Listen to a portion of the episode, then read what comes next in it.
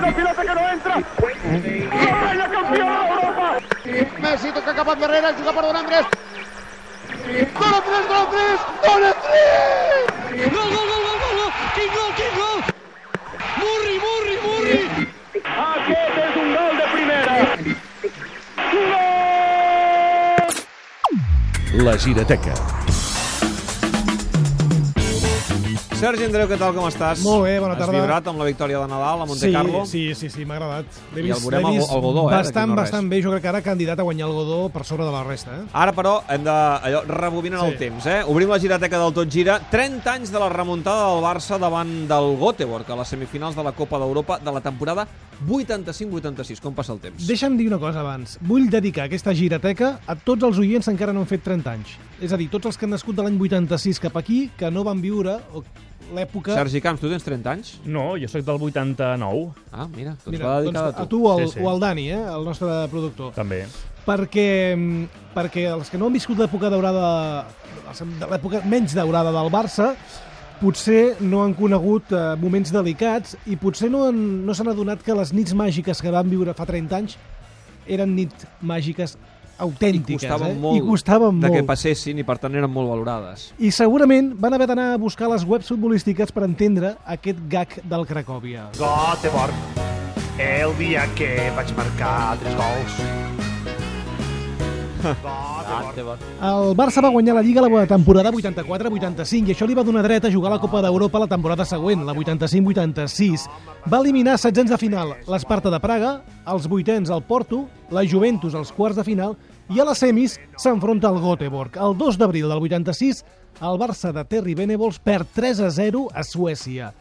El 16 d'abril, ara fa 30 anys, tornada al Camp Nou amb un heroi inesperat, un Camp Nou ple, absolutament entregat, confiant que la remuntada era possible. Urruti, Tente Sánchez, Alexanco, Migueli, Julio Alberto, Víctor, Calderé, Schuster, Esteban, Pichi, Alonso i Carrasco, aquest era l'11. Pedraza i Clos van entrar a la segona part per Schuster i Pichi. I el primer gol, el que començava la remuntada molt, molt aviat, al minut 9. Encara juga en atac el Barça, és Calderé per la dreta de la zona de mitjos. Envia una pilota per Pichi, Pichi s'endú la pilota, entra l'àrea, xuta al peu dret i gol, gol, gol, gol, gol, gol, gol, gol, gol, gol, gol, gol, gol, gol, gol, gol, gol, gol, gol! Ha marcat Pichi, ha marcat Pichi, ha marcat Pichi, ha marcat Pichi, ha marcat Pichi, ha marcat Pichi, ha marcat Pichi, La remuntada començava molt bé, molt aviat, eh, que és com s'han de fer. A minut 9. La primera part, però, acaba amb, 1-0, amb, aquest, amb aquest gol de Pichi. Pichi és Pichi, que, m'ha recordat el, el Puyol és Puyol, no? Pichi és Pichi, Pichi és Pichi, va, va dir... La segona part, minut 63, arriba el segon gol de Pichi, Alonso. Pilota en profunditat sobre Pichi, Alonso que entraria en bona condició, xuta al peu dret i gol, gol, gol, gol, gol, gol, gol! Gol de Pichi, gol de Pichi, gol de Pichi, gol de Pichi, gol de Pichi, gol de Pichi, gol de Pichi, gol de Pichi, gol de Pichi, gol de Pichi, gol de Pichi, gol de Pichi, gol de Pichi, gol de Pichi! Ha marcat Pichi, I pocs minuts després, Ens quedava mitja hora, eh? Ens quedava Per- mitja hora, per, per, però- per forçar la pròrroga. per forçar la pròrroga... I vigilar no reberen un, perquè si no et mataven. Exacte, exacte. Doncs pocs minuts després, al minut 69, el tercer, el que igualava La bogeria. Obre Sánchez cap a l'esquerra per Carrasco. Carrasco fa jugada bona, se'n va cap a la punta esquerra, punt entre l'àrea per lateral. Entra allà, se'n va cap endarrere. Carrasco intenta un segon dribbling, podrà centrar. Carrasco intenta un tercer dribbling. Li ha sortit, centra la jugada, arriba Pichi. Pichi la mata amb el cap. Gol! Gol! Gol! Gol, gol, gol, gol, gol, gol, El Camp Nou embogit, eh? M'encantaven, eh, eh, sempre m'han agradat molt aquestes narracions dels gols llargs, Sí. eh, eh, que surten de l'ànima aquí amb el, amb el Quim al Puyal. El partit, eh, als 90 minuts, acaben amb el 3 a 0, per tant, eliminatòria empatada, ens n'anem a la pròrroga, una pròrroga marcada pels nervis de tots dos equips i arribem a una tanda de penals d'infart. Per part del Barça marquen Alexanco, Pedraza, el segon, falla Carrasco, Que el tercer. Carrasco els xutava bé els penals. Sí, n'acostumava... Però va fallar. a- Adrián, Adrián no va marcar, eh? Adrián no va marcar, m'ho confirmes. Sí que ha marcat amb el Villarreal, Rayo 1, Villarreal 1. Està bé, Salvo, Gràcies, està Sergi. Uh, tot, un, tot un orgull. 20 de la primera meitat, igual el marcador del conjunt groguet, Rayo 1, Villarreal 1. Doncs això, marca Alexanco, marca Pedraza. Falla Carrasco, Falla Carrasco. marca Calderé, marca Urruti, Urruti de vegades xutava Sí. penals, és veritat. I en el cinquè, ja en aquell, aquell, en aquell moment en què qui marcava eh, s'enduïa l'accés a la final, Víctor Muñoz va fer el, el penal decisiu És aquell de la foto de Guardiola, no? Sí, Aquest penal, senyor. Que, que Exacte. Guardiola és la plega pilotes Sí, senyor. i és s'abraça al, al, al al Víctor. moment en què, en què Víctor fa aquell penal i, per tant, aconsegueixen l'accés a, la, a la final. L'espectacle extraordinari de 100.000 persones aplaudint els seus jugadors, lliurant els seus sentiments a través d'aquests aplaudiments. I també els jugadors del Barça que donen la volta al terreny de joc, que volten pel límit del terreny de joc i que aplaudeixen al públic. El Barça ha aconseguit la final de la Copa d'Europa. Feia, atenció, eh, 25 anys que el Barça no jugava a la final de la Copa d'Europa. Us imagineu que el Barça no torni a jugar a la final de la Champions fins l'any 2040? Clar, Imagina't, de, de fet era la segona final a la Era la història segona. del club La després de la final dels pals quadrats de Berna. del 61, doncs, eh, doncs seria això mateix, eh? com ha canviat tot. Eh? Antoni Bassas a la llotja amb Casaus i Núñez. Oh, Parlen entre ells. No s'ha vist mai una cosa així, no s'ha vist mai. Perquè aquest equip és molt difícil de guanyar, eh? Vull dir, ha Casals. estat una gesta fantàstica. Ah! És Casaus aquest qui crida. Com talment com una criatura. El president del Barcelona, llàgrimes avall per la cara, llàgrimes avall per la cara, mira seriós, amb molta atenció. Sí, perquè per mi era molt important disputar una altra nova final i més si la podem guanyar encara més, no? Quina tensió, com ha hagut d'aguantar-se els nervis al, al seient, no? Sí, molt, molts nervis.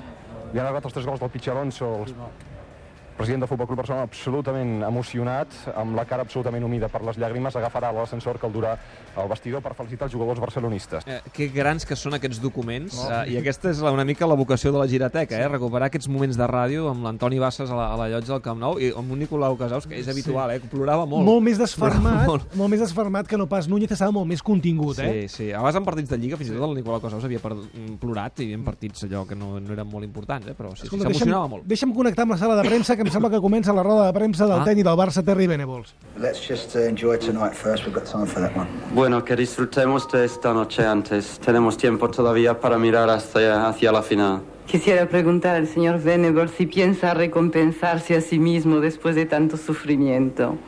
Caram. You're going to give yourself a reward after so much suffering. Yes, I am. I'm going to have a beer. Sí, me voy a tomar una cerveza. Alguna pregunta més? Una pregunta més, gràcies i bona aquí. Molt bé, senyor Ri Ricard Maxencs. Sí, senyor. Ricard Maxencs. Alguna pregunta, més? Eh? Uh, anem a la zona mixta perquè comencen a sortir jugadors. Àngel Pedraza. Jordi Basté. Sí, Pedraza. Sí, hemos estado con, con mucha fe desde el primer momento, porque como tú bien dices, sin fe este partido no se hubiera sacado adelante y sabíamos que podíamos conseguir, bueno, y en definitiva esto es lo que hemos hecho.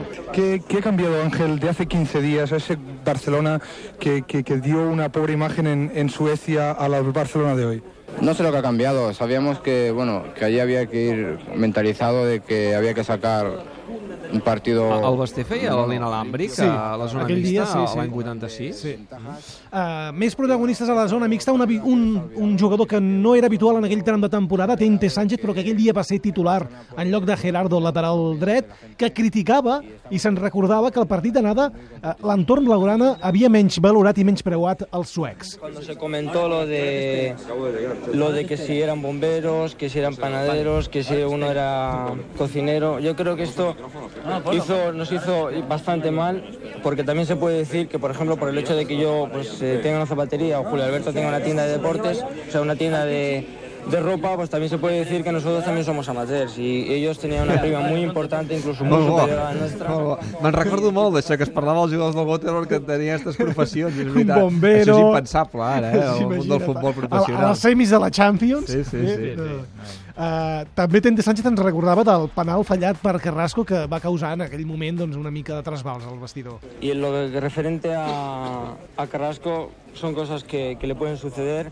Normalmente el nene no, no suele fallar. No El suele nene. fallar El nene no suele pero fallar, Bueno, eh. hoy le ha tocado a él.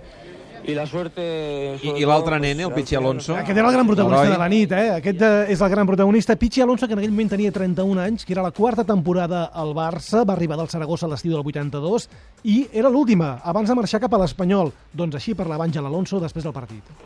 Bueno, això jo crec que és una circumstància que s'ha donat, no? Que, però que no té que ser determinant a l'hora de, de jo pillar la, la valoració. Ara en calent pues, podria dir coses que després millor pues, no. Tres gols, què significa això per tu, en aquesta nit?